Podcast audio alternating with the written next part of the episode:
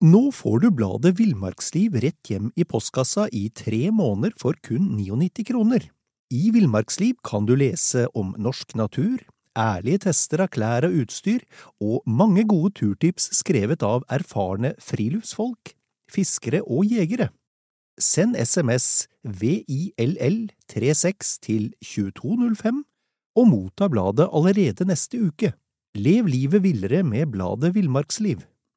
Many of us have those stubborn pounds that seem impossible to lose, no matter how good we eat or how hard we work out. My solution is PlushCare. PlushCare is a leading telehealth provider with doctors who are there for you day and night to partner with you in your weight loss journey. They can prescribe FDA-approved weight loss medications like Wagovi and Zepbound for those who qualify. Plus, they accept most insurance plans. To get started, visit plushcare.com slash weight loss. That's plushcare.com slash weight loss.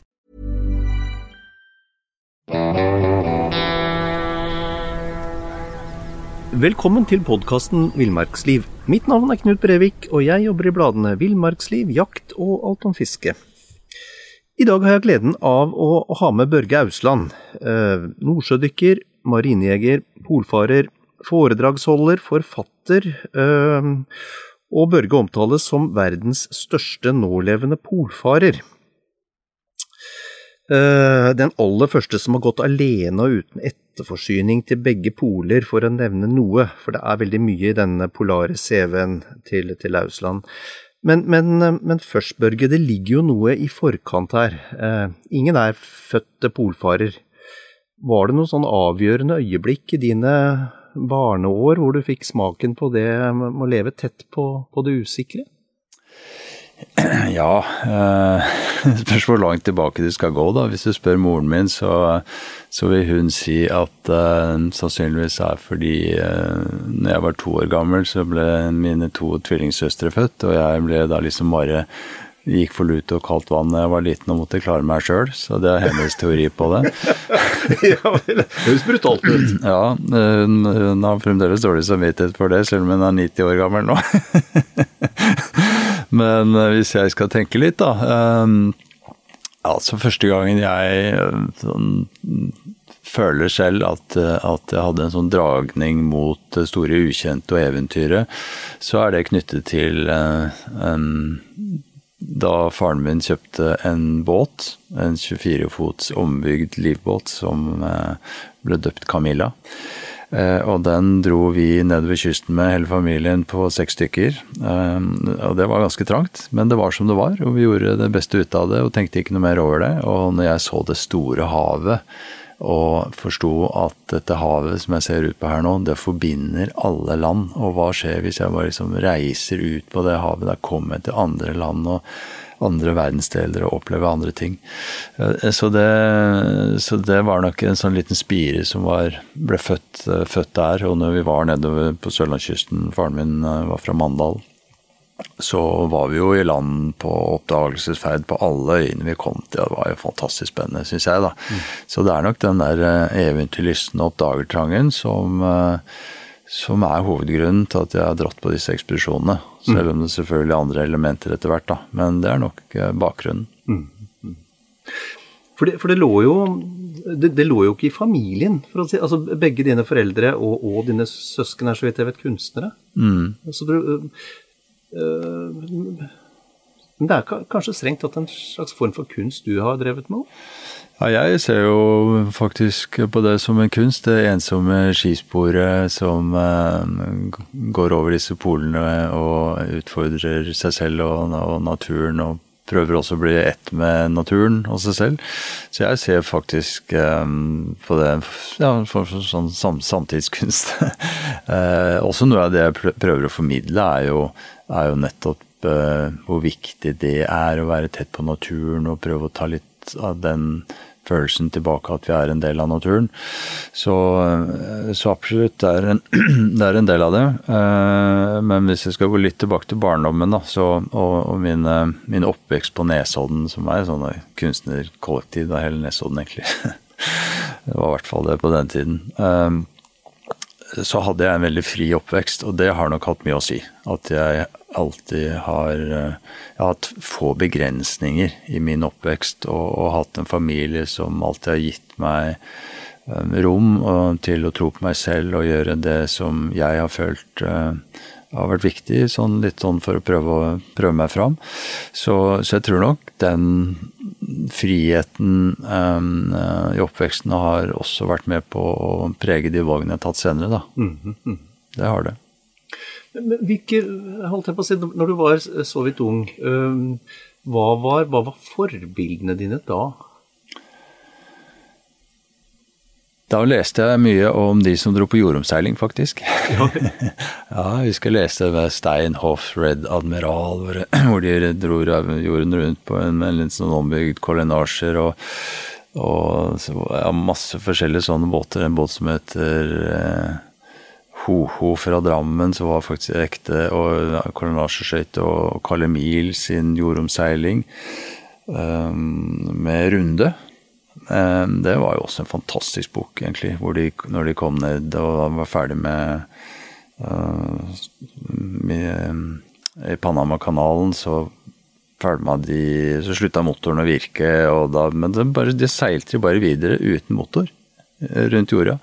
Så, så, så, det med sjøen og livet til havs og, og seil og, og, være på tur på den måten var kanskje det som først trigget meg. da.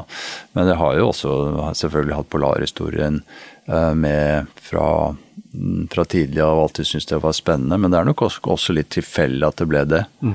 mm. faktisk. Mm. Men så på, på, hvilket tidspunkt i livet tenkte du at eller, eller, eller, så du at ok, det blir muligvis ikke en åtte til, fire-jobb på meg?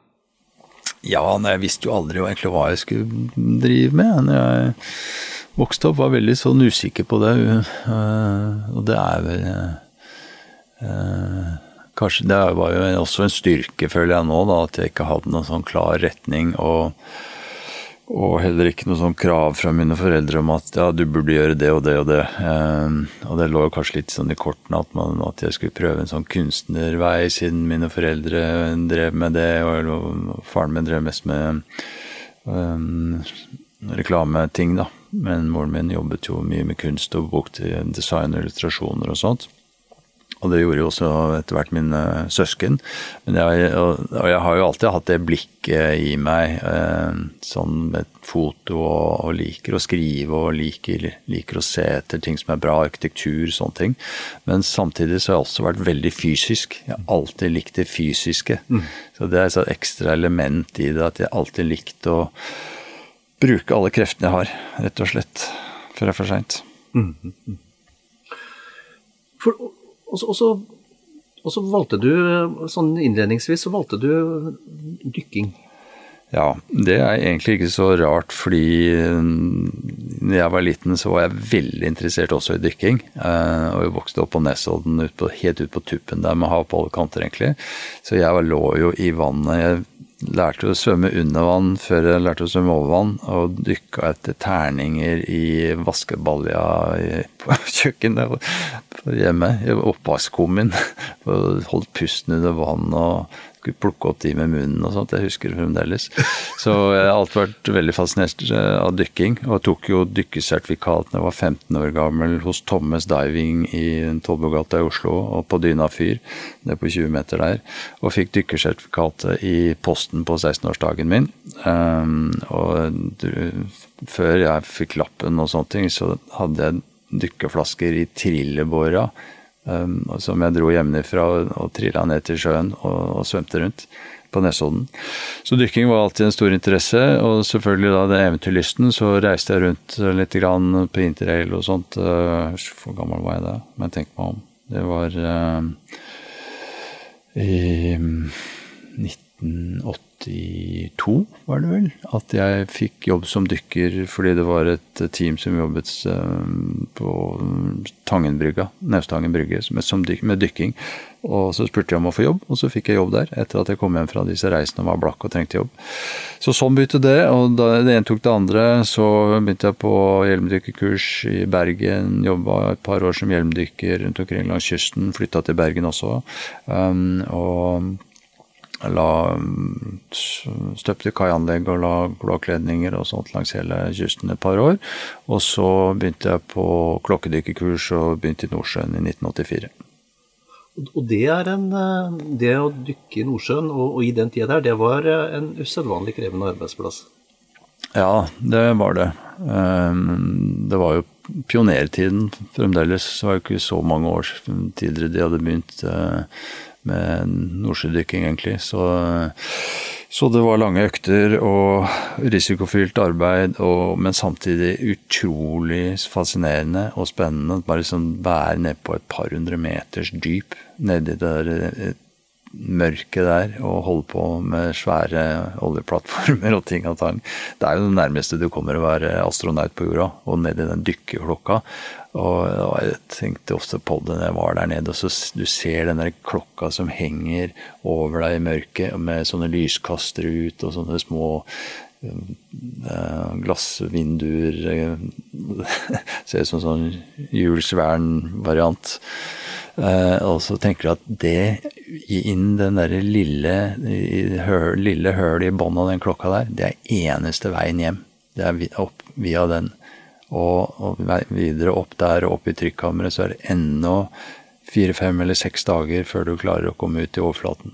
Så du er veldig, veldig langt hjemmefra når du er på bånn av, av, Nordsjøen. Og, men samtidig så syns jeg sånne ting er fascinerende, for jeg har alltid likt å være ute på yttergrensen og utforske um, Utforske på en måte alt uh, livet har i seg der um, ute hvor uh, ting er, er, litt spennende og, og, litt annerledes, og ikke sånne steder som alle drar til. For det er, jo, det er, jo, egentlig litt av det samme du har oppsøkt siden i livet. Da. Det er jo på en måte inn i det, inn i det ukjente. Ja. Jeg har alltid hatt en sånn fascinasjon for det og, og et sånt ønske om å se hva som er på andre siden av gjerdet. Mm. Um, så jeg, jeg, jeg, liker, å, liker å gå dit hvor, uh, hvor ting er, er nytt og, og, man kan utforske litt. Mm. Og så vil jeg tro at det også er en type arbeid som setter ekstreme krav til forberedelser og rutiner, og det å evne å også holde hodet kaldt. Ja, absolutt. Så, og, og, det med dykking er jo, er jo, faktisk ganske mye planlegging på det. Altså Alle dykk blir jo planlagt veldig godt. Uh, og du går gjennom um, ting som kan gå gærent, og har um, en, Du brekker ned problemet, da. Og, og, så vi hadde alltid en sånn gjennomgang. Vi kalte det jo for HAS Hazarders uh, Operation. Hvor, hvor, man går inn og spør ok, hva skjer hvis den svikter, og sånn type ting. Hva, hva, er neste steg da? Hvor kritisk er det hvis den går i stykker, pustekassen forsvinner da? Og, sånn at man liksom backer opp hele tiden. Um, og er forberedt um, på, på, det som skal komme. Men samtidig så visste jo vi som jobbet der nede på bånn, at uh, at ok, det er et høyt nivå på sikkerheten, men den eneste du virkelig kan stole på, det er deg sjøl. Mm. Eh, så derfor har jeg alltid sett på sikkerhet som et sånn personlig ansvar, som er egentlig litt motsatt av samfunnet ellers, eh, hvor det er noen andre som har ansvaret for sikkerheten. Eh, og det går jo som regel bra hvis du følger trafikkreglene og skiltingen og, og sånn type ting, men nede på bunnen av Nordsjøen eller ute på Polhavet, så er det du som har ansvaret for sikkerheten, og da gjelder det å tenke deg litt ekstra om og være det der lille hestehodet foran deg sjøl, sånn at du på en måte skjønner hva som skjer før det skjer. Mm. Um, det, så den proaktive holdningen der og, og forhold til sikkerhet, den har hatt stor nytte av i ekspedisjonslivet, og det lærte jeg som dykker i Nordsjøen. Mm. Mm. Sier de ikke at um, de som har tenkt de verstefallstankene i forkant, og gjerne trent på det i tillegg, er de som i aller størst grad også overlever, hvis, hvis, hvis det skulle skje noe? Ja, det tror jeg. Og det men du sier med å ha trent på det på forhånd, det, det er jo også en del av um, utdannelsen og, og, forberedelsene til et dykk, men også f.eks. det Forsvaret. Uh, hoppe ut av et fly i 300 meters høyde i fallskjerm eller sluse ut fra et torpedorør fra en ubåt. I utgangspunktet så er det farlige ting, mm. men gjennom å drille på det, trent på alle de tingene på forhånd, så går det an å gå inn i en sånn farlig situasjon og gjøre det på en trygg måte. Så det er jo sånne ting som jeg trener på i forkant av ekspedisjoner prøver å isolere hva, hva, er de største tingene som kan gå gærent her nå. Og det er egentlig ikke så veldig mye. Det er jo så vær og vind og råker og isbjørn og skruis og sånt. Um, og, og da, men da må du vite hvordan du setter opp telt i dårlig vær. Du må vite hvordan du kommer opp av en råk hvis du går gjennom isen. Du må vite hva som skjer hvis du plutselig blir overrasket av en isbjørn. Mm. Sånn type ting eh, må du ha trent på, gått gjennom eh, og ha gode rutiner på det. Sånn at du kan gå inn i den farlige situasjonen og gjøre det på en trygg måte. Mm. Mm. Det har alltid vært min filosofi. Mm. For jeg vil, jo, jeg vil jo komme helt hjem igjen. Ikke sant. Ja. Du, eh, ikke bare jobba du som dykker, du fikk jo åpenbart um, gode turkamerater eh, i, eh, i, i dykkejobben også, fordi, eh, fordi du gikk jo på ski over Grønland du, sammen med, med to dykkerkollegaer. Mm, Agnar Berg og Jan Morten Ertsås. Mm -hmm. Vi jobbet sammen ute på Frigg-feltet på en båt som heter Tender Tartan. Der jobbet vi sammen, og vi hadde litt tid på av og til, som vi har. Hvis ikke det er en sånn dykkeperiode, så hjelper vi til på dekk og sånne ting. Så og da drømmer, drømmer man seg litt bort ofte. Eh, og snakker om ting og planer og sånt, og de fleste blir, planer blir jo ikke noe av. Men i dette tilfellet her, så var det liksom Det var tre karer som hadde, hadde lyst til å gjøre, gjøre et eh, stort eventyr, og vi bestemte oss for å gå på ski over Grønland.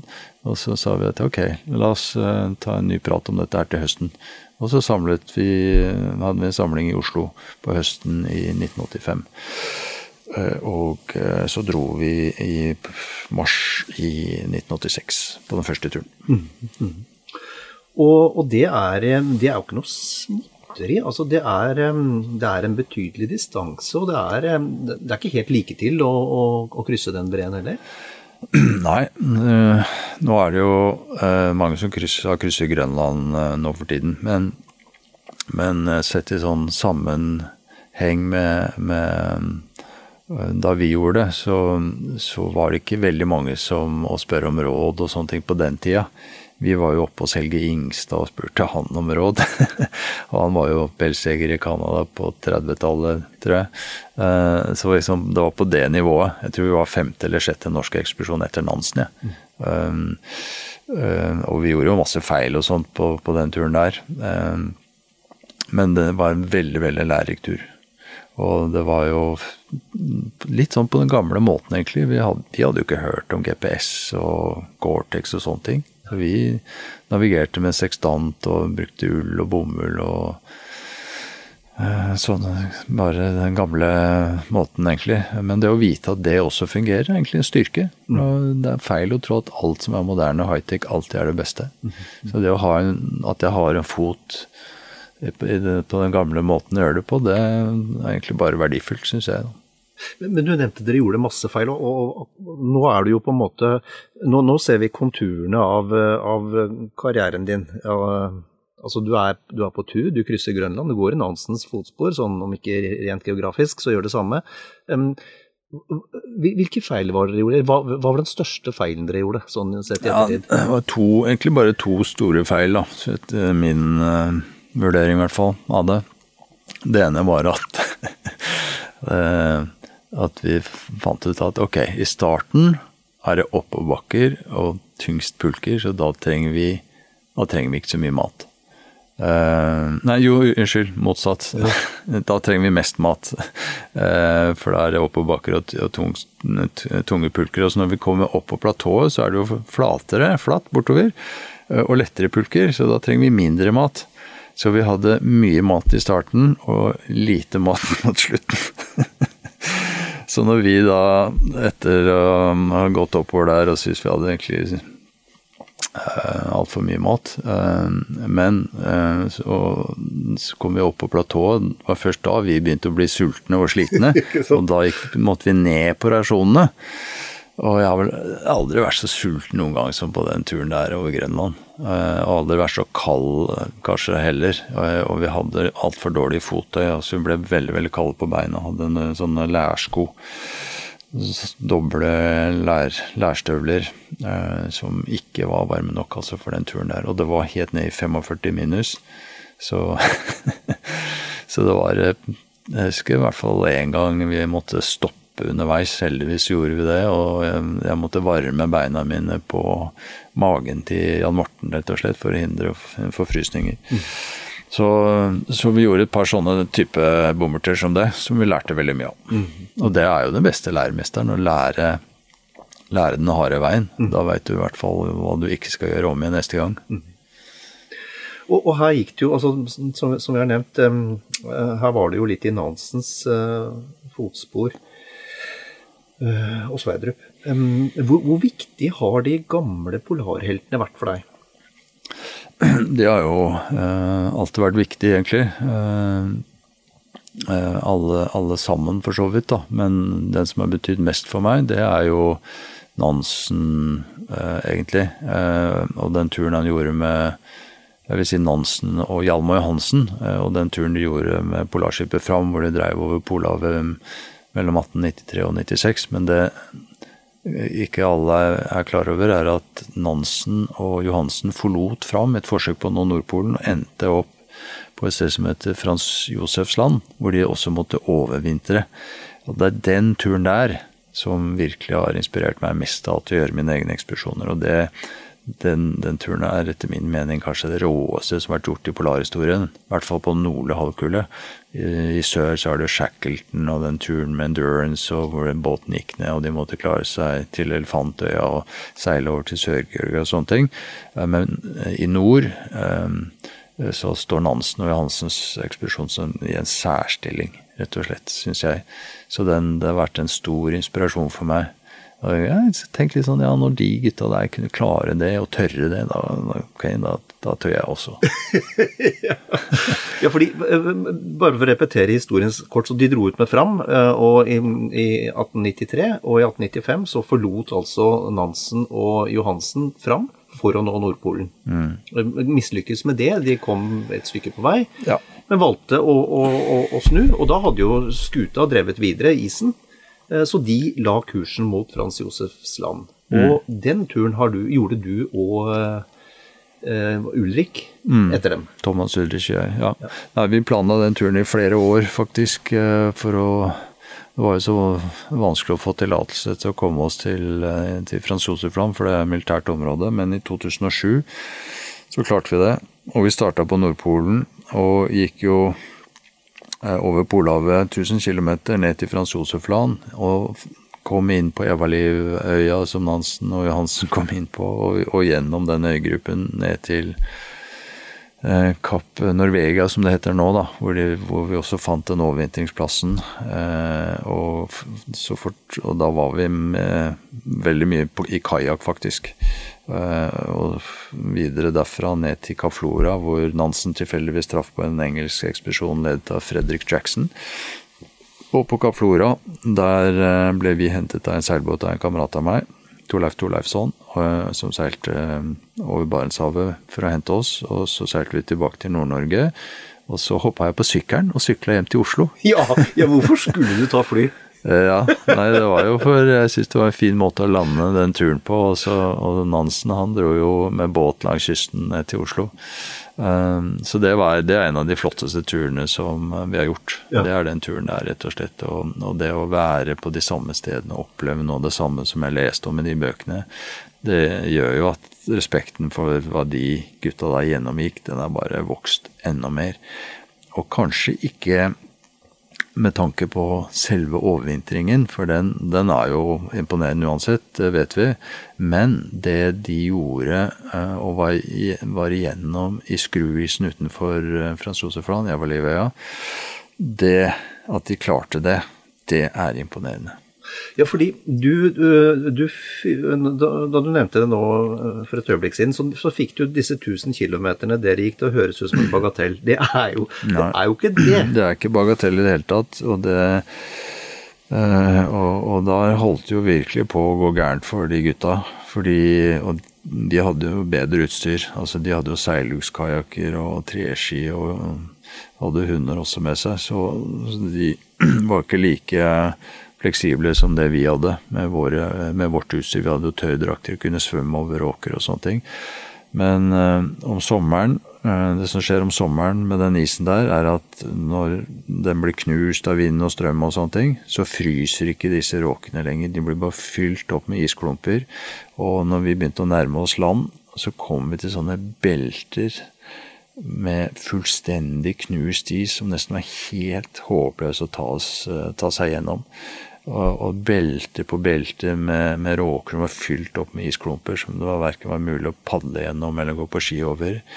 Uh, og vi hoppa jo fra flak til flak av og til, men det var uh, Altså, det var så vanskelig. Og det er akkurat de samme forholdene. Når jeg leser eh, bøkene til Vinn Hansen og Johansen, så er det jo akkurat de samme forholdene de beskriver.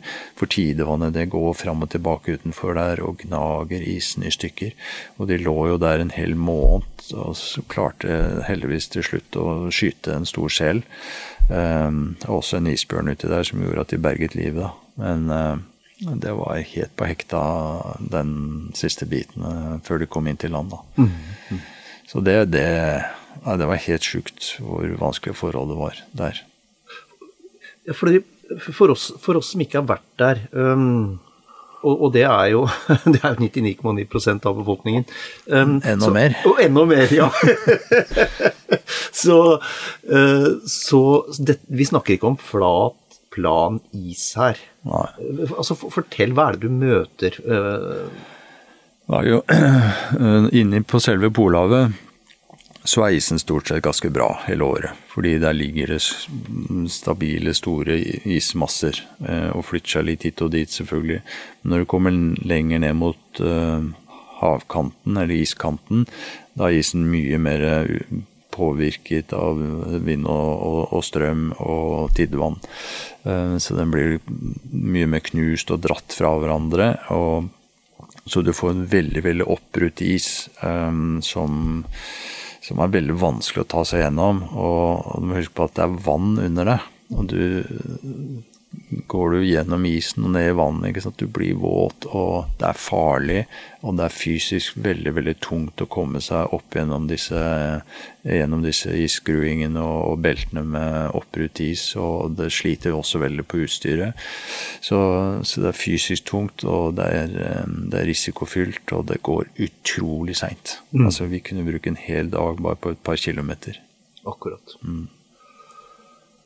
Og, og, så tenker jeg, um, og, og, dette har også litt med det å gjøre som du nevnte når, det, uh, når vi var på dykking. Um, uh, det skal, tenker jeg, antar jeg, i løpet av en dag tas tusenvis av beslutninger.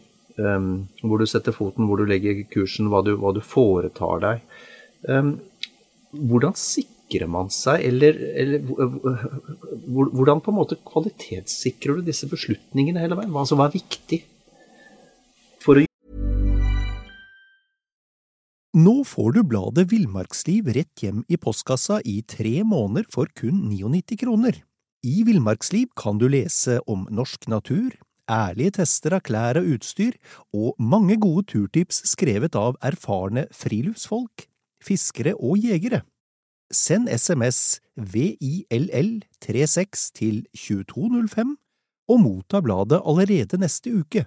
Lev livet villere med bladet Villmarksliv. Hey, it's Danny Pellegrino from Everything Iconic. Ready to upgrade your style game without blowing your budget? Check out Quince. They've got all the good stuff shirts and polos, activewear, and fine leather goods, all at 50 to 80% less than other high end brands. And the best part? They're all about safe, ethical, and responsible manufacturing. Get that luxury vibe without the luxury price tag. Hit up quince.com slash upgrade for free shipping and 365 day returns on your next order. That's quince.com slash upgrade.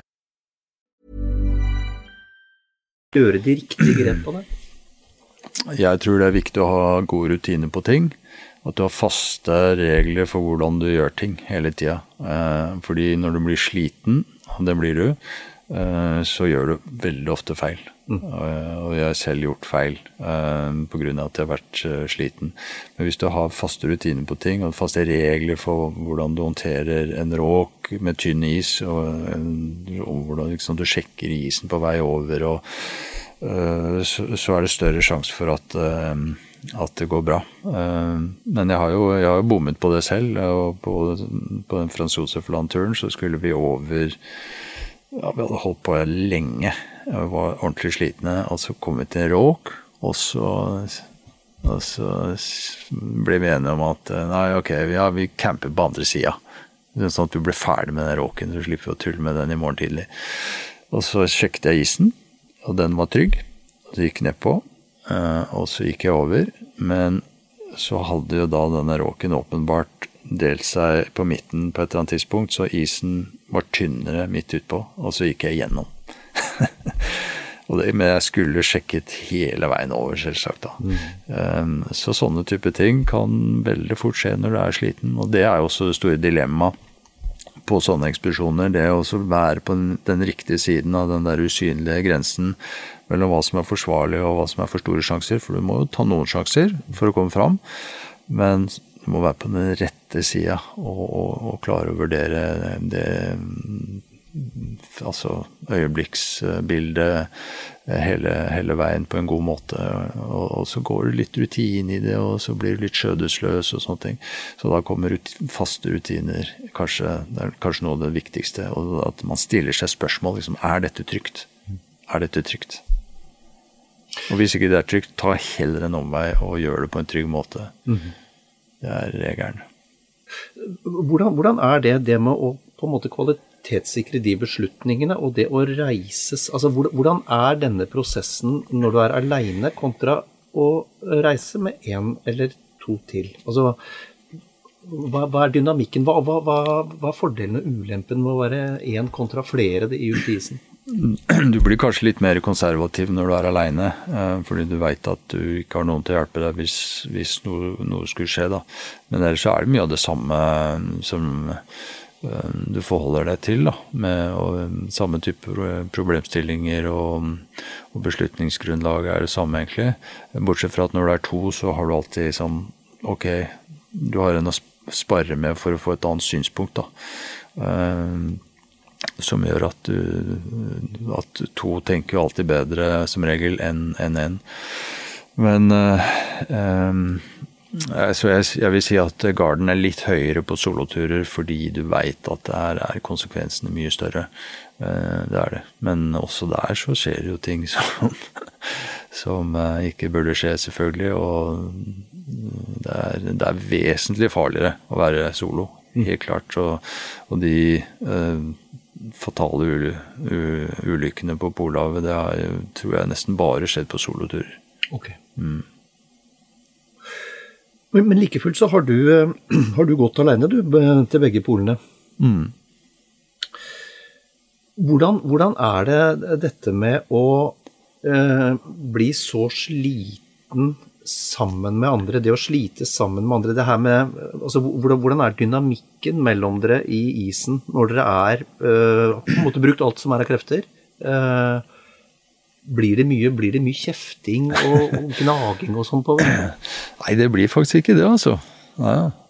Uh, nå har jeg ant antageligvis vært veldig heldig da, med valg av ekspedisjonspartnere. Jeg gikk jo til Nordpolen med Erling Kagge og Geir Andby i sin tid. og og Jan Morten og Agner over Grønland, og så har det vært Mike Horn og Thomas Ulrich og Vincent Colliard og, og Torleif Torleifsson også. Eh, så jeg har egentlig liksom fått det til alltid, til å fungere. Jeg tror eh, mye av det skyldes eh, at de som jeg har valgt å dra på tur med, de, de har, vi har samme forståelse av hvorfor vi er der. Har samme, samme drive, egentlig ambisjon eh, og ønske om å nå det målet. Eh, og de store konfliktene de kommer gjerne til syne eh, i sånne kritiske faser hvor man må ta store valg. Da, da kommer ofte, ofte disse konfliktene til, til syne hvor man har den ene vil gi seg, den andre fortsette. Og sånne ting. Men heldigvis er det veldig sjeldent at det skjer. Rett og slett fordi man har samme, samme, forståelse av hvorfor vi er der ute og, og hvor vi skal hen. Mm. Og da har i hvert fall vårt fokus vært å, å, å, Da skjønner vi at alt som Eh, bringer denne ekspedisjonen framover, er bra. Eh, og å krangle er, eh, hjelper oss ikke i det hele tatt. og vi kan godt bli sure for hverandre og irritert på hverandre. Og, og når du går i din egen boble, så syns du at han kompisen din er verdens største idiot av og til. Du gjør det. og så går du og irriterer deg over ting. Men, men, samtidig så vet du også at, at man er ganske avhengig av hverandre på en så lang tur. Eh, og vil ikke nå målet uten, uten at dette fungerer på, på, et eller annet vis. Så, så, hvis vi går rundt og er sinte på hverandre eller irriterte, så, så kan det godt hende at vi går og surmuler litt i skjegget en dag, men så sitter vi inne i teltet. Mm.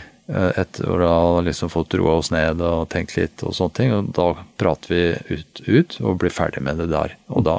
Og prøver å lære av ting. Og så er det lov å si unnskyld.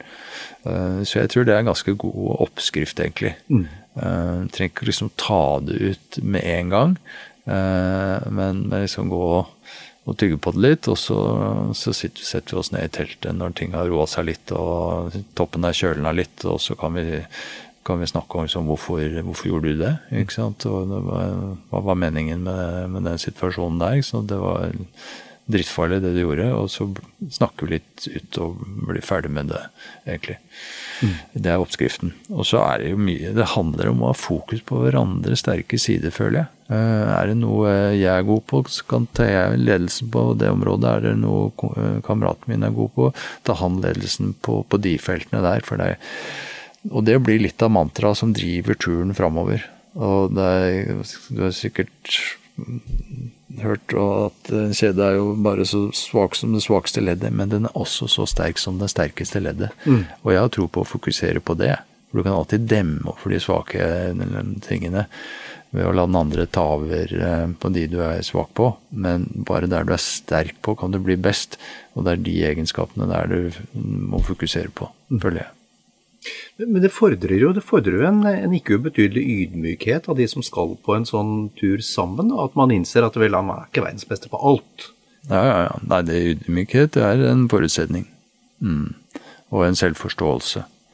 Det er en, faktisk en forutsetning. Jeg tror du blir veldig fort gjennomskuet uh, uansett, hvis du ikke har den innstillingen der. Det blir du. For du møter deg sjøl i døra på alle måter, særlig på soloturer.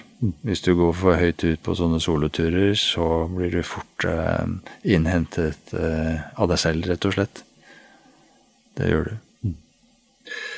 Du har jo, eh, som vi snakka om helt sånn innledningsvis, den er, den er, jo veldig lang, den, den polare CV-en CV din. Og du har, jo, du har, jo, nevnt nå at eh, kanskje den morsomste turen var den i, i i fotsporene til Nansen og, og, Johansen. Men hva, så, sånn sett i ettertid, hva, hva, er den mentalt og fysisk hardeste turen du har gjennomført? Altså Når har du vært eh, mest, mest sliten? Den mentalt vanskeligste turen det tror jeg var første soloturen til Nordpolen i 1994. Eh, det var nok den mentalt eh, hardeste, eller vanskeligste. Også fordi det var første gang jeg var solo og måtte virkelig ut og ja, bryte noen store barrierer i, i meg selv.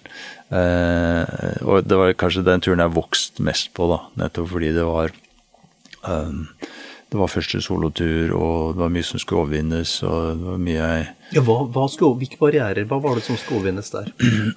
Over, altså, eh, frykten, blant annet. Det er et eh, nøkkelord her. Og så tørre å gjøre det, og tro på at faktisk jeg kan klare dette her, selv om ingen og, og, Også litt sånn i kontekst, da. Eh, når jeg prøvde på den turen, så var det ingen som hadde prøvd på det noensinne, gå solo og uten nettforsyninger til Nordpolen. Eh, og jeg har vel aldri vært tettere på å gi meg enn de første dagene på den ekspedisjonen der.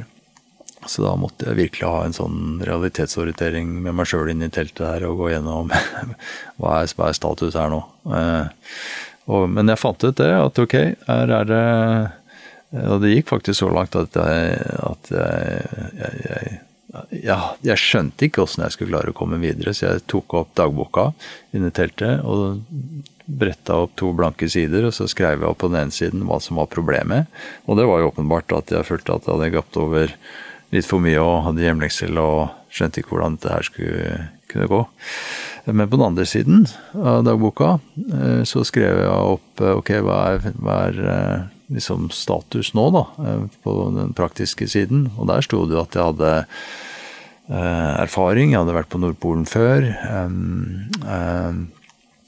Alt utstyret fungerte. Altså, det var jo ikke skia som var brekt eller noe. Og så hadde jeg to måneder med mat i pulken. Så liksom alt lå jo til rette for at dette her burde gå. Eh, og det var jo bare følelser det handlet om. Eh, og da skjønte jeg jo det at ok, vel, følelser er reelle ting. Det må jeg bare akseptere. Men samtidig så visste jeg også at følelser endrer seg jo hvis man jobber litt mer og gir litt tid. Og da tenkte jeg ikke så mye på Nordpolen. Jeg tenkte ok, gå en uke til. Og så ser du hvordan det er. Du kan gi deg, men ikke nå. Vent en uke. Og når denne uka var over, så ok, da var jeg faktisk litt mer vant til å være der. Og, og begynte å sove litt bedre om natta. Og øh, følte at ok, kanskje jeg kan fortsette en uke til, og en uke til. Og sånn holdt jeg på. Øh, til jeg til slutt sto, sto på Nordpolen og hadde klart det. Så, så, så gjennom den prosessen der så, så, lærte jeg egentlig hva som bor i Og jeg tror i alle mennesker. Eh, hvis man blir tvunget til det, og hvis man virkelig tar tak i utfordringen og, og, og blir nødt til å, å, finne løsninger på problemer. Så, og det er, gjennom, det er jo gjennom store utfordringer man når nye nivåer, føler jeg, å bygge, å bygge på. Og ikke minst gjennom å overvinne sin egen frykt. For du var, du var definitivt en egen coach, om man kan bruke et sånt uttrykk. Jeg var legen og pasienten i samme person. ja, jo, Men det kan vel ikke ja. så rent lite overføringsverdi til, til, andre områder i livet? det da? Ja, det tror jeg nok. Så nå er det nok mange som er igjennom det litt sånn ufrivillig gjennom sykdom og sånt, og, og, og gjennom det skjønne hva som faktisk bor i, i alle oss. Og de, og de fleste, men de fleste er kanskje ikke klar over det nettopp fordi de ikke blir satt på prøve, men det er der. Det må hente, bare hentes fram, men, men, det ligger der, mm. tror jeg.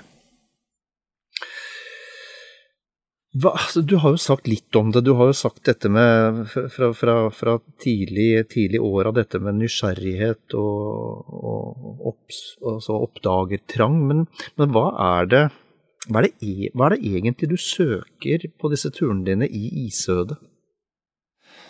Isødet er nok kanskje bare en sånn metafor Eh, for, for, det jeg søker, eh, eller en arena, da.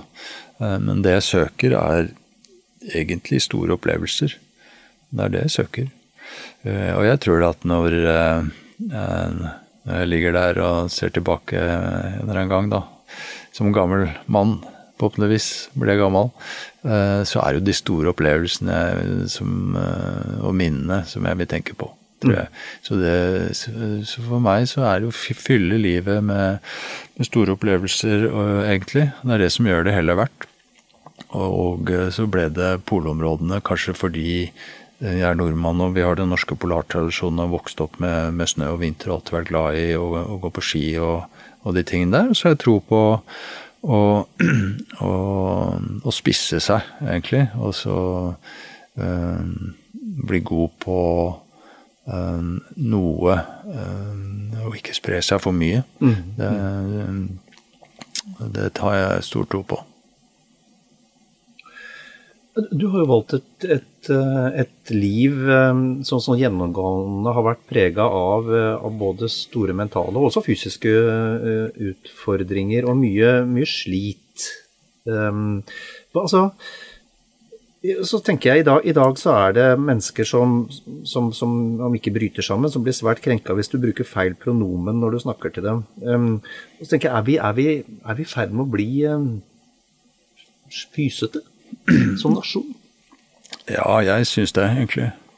Uh, jeg syns vi har litt for lite robusthet uh, og, og, og, kanskje møtt litt for lite motstand, da. I hvert fall hvis jeg skal sammenligne med hvordan jeg vokste opp. Jeg er egentlig veldig heldig som vokste opp på 70-80-tallet. Det var jo en merkelig periode i universet hvor ja, Men vi som vokste opp da, vi trodde jo alt var mulig.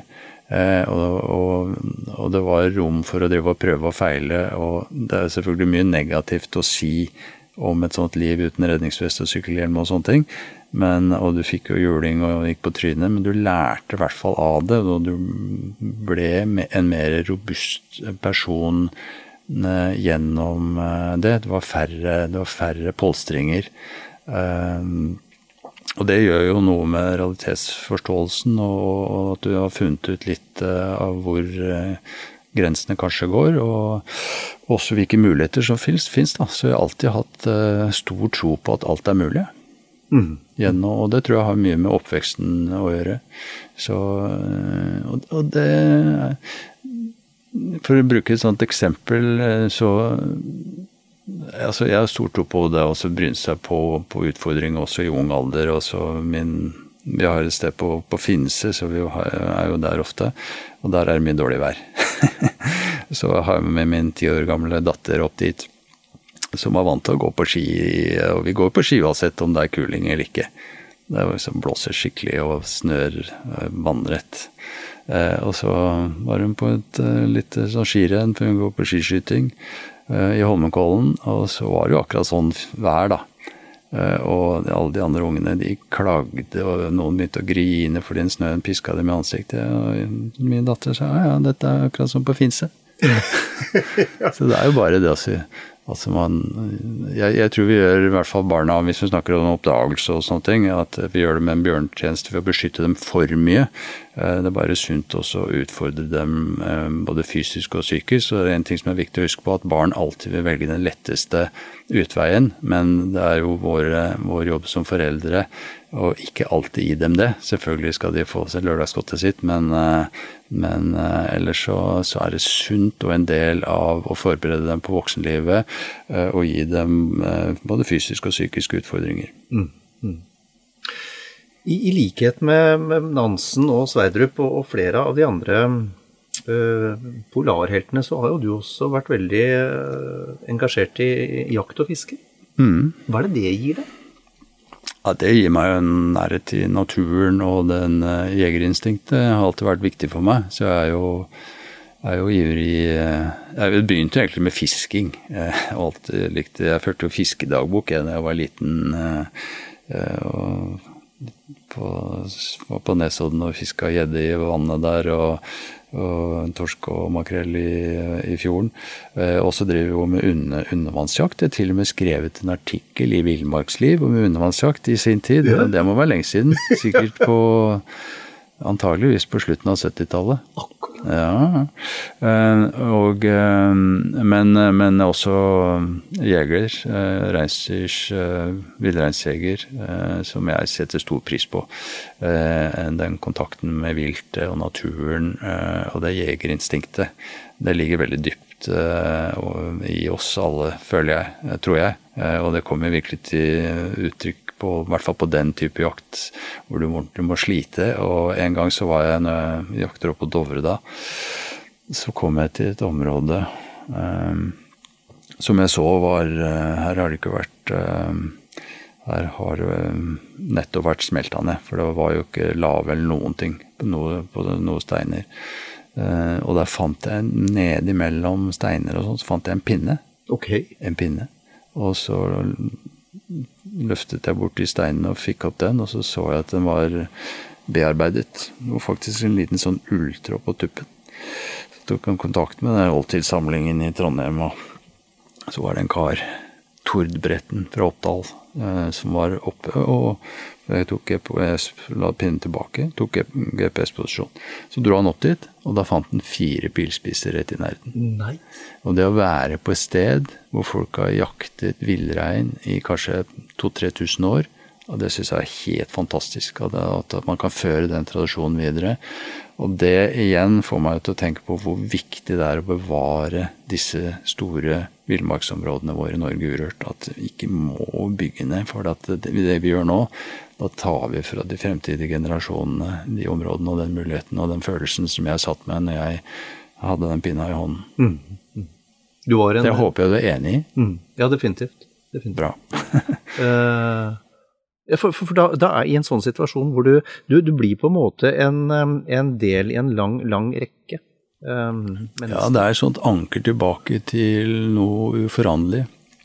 Og, og igjen jakt og, og, og, fiske og det å være i naturen for meg er jo nettopp den, den, altså den mentale uh, ankeret jeg trenger, da. Uh, hvis jeg skal tenke meg litt om, uh, så, så, er det alltid til naturen jeg søker.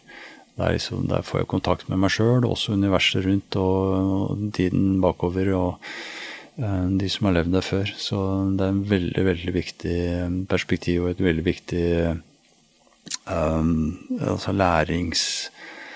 læringselementet i det um, til kommende generasjoner. Jeg føler at det ligger veldig mye der ved å overføre den, det synet på naturen til neste generasjon. Mm. Mm. Vi er en del av noe større, og da tar vi vare på det? Ja, jeg tror det. At det er måten å gjøre det på, rett og slett. Altså, og det merker jeg når jeg er ute og holder foredrag i store byer, sånn som Seoul i Sør-Korea eller Tokyo eller andre, andre steder. Eh, hvor, hvor er, de, er, helt sånn avskåret fra det. De vet, de vet, liksom ikke hva det er, og de er i hamsterhjulet. Og, og, de klarer ikke å reflektere over det og tenke over det på samme måte. Og, og, men det betyr jo også at vi er veldig veldig heldige som bor her, som har de mulighetene som vi har. Eh, men derfor, derfor virker, eh, føler jeg at det hviler et ekstra ansvar på oss å mm. skjønne det og, og, vite at dette her, nå må vi virkelig skjerpe oss og ta vare på naturen. Eh, og prøve å leve et så bærekraftig liv som mulig. Mm. Og det er sånn, Bærekraft er jo verdens mest forslitte ord for tida. Men enten er det bærekraftig, eller så er det ikke. Mm. Så det bør være en litt mer klar definisjon på det bærekraftsperspektivet for um, både oss personlig, men også for, for samfunnet generelt, syns jeg. Mm. Mm. Børge, du er en, du en ettertrakta foredragsholder. Du, um, du, du, driver et selskap hvor du tilrettelegger for at andre kan guides på ekstreme turer, og du driver stedet Mannshausen i Steigen. Det er et sted som for øvrig har fått en rekke utmerkelser for sin arkitektur. Du nevnte jo det innledningsvis, at du var opptatt av form og, form og farge. Um, er, du, er, du, er du ferdig nå? Er du mett på ekstreme turer nå, eller har du noe ugjort fremdeles? Tja, det er et godt spørsmål. Uh jeg er jo overhodet ikke mett på, på Spørs hva du mener med ekstreme, egentlig. Ehm, jeg, jeg, er ikke sikker på om jeg kommer til å krysse Nordpolen med Mike Horn i mørket en gang til. nei, nei, du må tenke dem to ganger i hvert fall. ja. For det var en hard tur, eh, virkelig. Altså Fysisk sett så er det kanskje den hardeste turen jeg har gjort. Og det er ikke så veldig lenge siden. Men jeg har jo fremdeles et uh, uh, jeg er veldig fascinert av isbreer. Uh, så jeg har et prosjekt som kalles for Ice Legacy, isarven, hvor vi har lyst til å holde på faktisk å krysse de 20 største isbreene i verden. Og, det, og, og sånn type turer som den med Mike Horn over Pola og sånt, det har jo ingenting med klimaendringer og det er eventyr. Vi hadde lyst til å gjøre en klassisk polarekspedisjon. Og å seile inn i Polhavet, gå på ski over og, og, seile ut og oppleve det. Mens det isbreprosjektet, det, det har et klarere klimafokus hvor vi har lyst til å prøve å formidle hva, hva er egentlig som skjer med de store breene. For verden balanserer på kulde. Og de er verdens virkelige balansepunkt, disse breene. Eh, så vi har lyst til å og det, og det er ikke mange som drar dit. Det er så ugjestmildt, og ikke, folk har ikke noe å gjøre der. Men jeg syns breer er fascinerende ting. Mm. Og det er jo det som har gnagd ut hele dette landet her. Mm. Det er jo isbreer som er lagt igjen alle øyene langs kysten og formet disse dalene våre og, og gjort at Norge ikke var her et sånt uh, høyfjellsplatå med en naken kystlinje. Mm. Så vi har mye å takke breer for, og det ønsker vi å prøve å fortelle litt. Samtidig så, så er det um, spennende også være på ekspedisjon og, og, være ute i den frie naturen og kjenne litt på de store følelsene og opplevelsene. Nå får du bladet Villmarksliv rett hjem i postkassa i tre måneder for kun 99 kroner. I Villmarksliv kan du lese om norsk natur, ærlige tester av klær og utstyr, og mange gode turtips skrevet av erfarne friluftsfolk, fiskere og jegere. Send SMS VILL36 til 2205 og motta bladet allerede neste uke. Lev livet villere med bladet Villmarksliv. Planning for your next trip? Elevate your travel style with Quince. Quince has all the jet setting essentials you'll want for your next getaway, like European linen, premium luggage options, buttery soft Italian leather bags, and so much more. And it's all priced at 50 to 80% less than similar brands. Plus, Quince only works with factories that use safe and ethical manufacturing practices. Pack your bags with high-quality essentials you'll be wearing for vacations to come with Quince. Go to quince.com slash trip for free shipping and 365-day returns. Hey, it's Paige DeSorbo from Giggly Squad. High quality fashion without the price tag. Say hello to Quince. I'm snagging high-end essentials like cozy cashmere sweaters, sleek leather jackets, fine jewelry, and so much more. With Quince being 50 to 80% less than similar brands. And they partner with factories that prioritize safe, ethical, and responsible manufacturing. I love that. Luxury quality within reach. Go to quince.com slash style to get free shipping and 365 day returns on your next order. Quince.com slash style. Noe sier meg at du er ikke helt ferdig gått. Nei, Jeg kommer sikkert til å gå litt, uh, litt seinere, men jeg får bare ta med litt mer mat, da. Børge Ausland, tusen takk for en hyggelig prat. Tusen takk.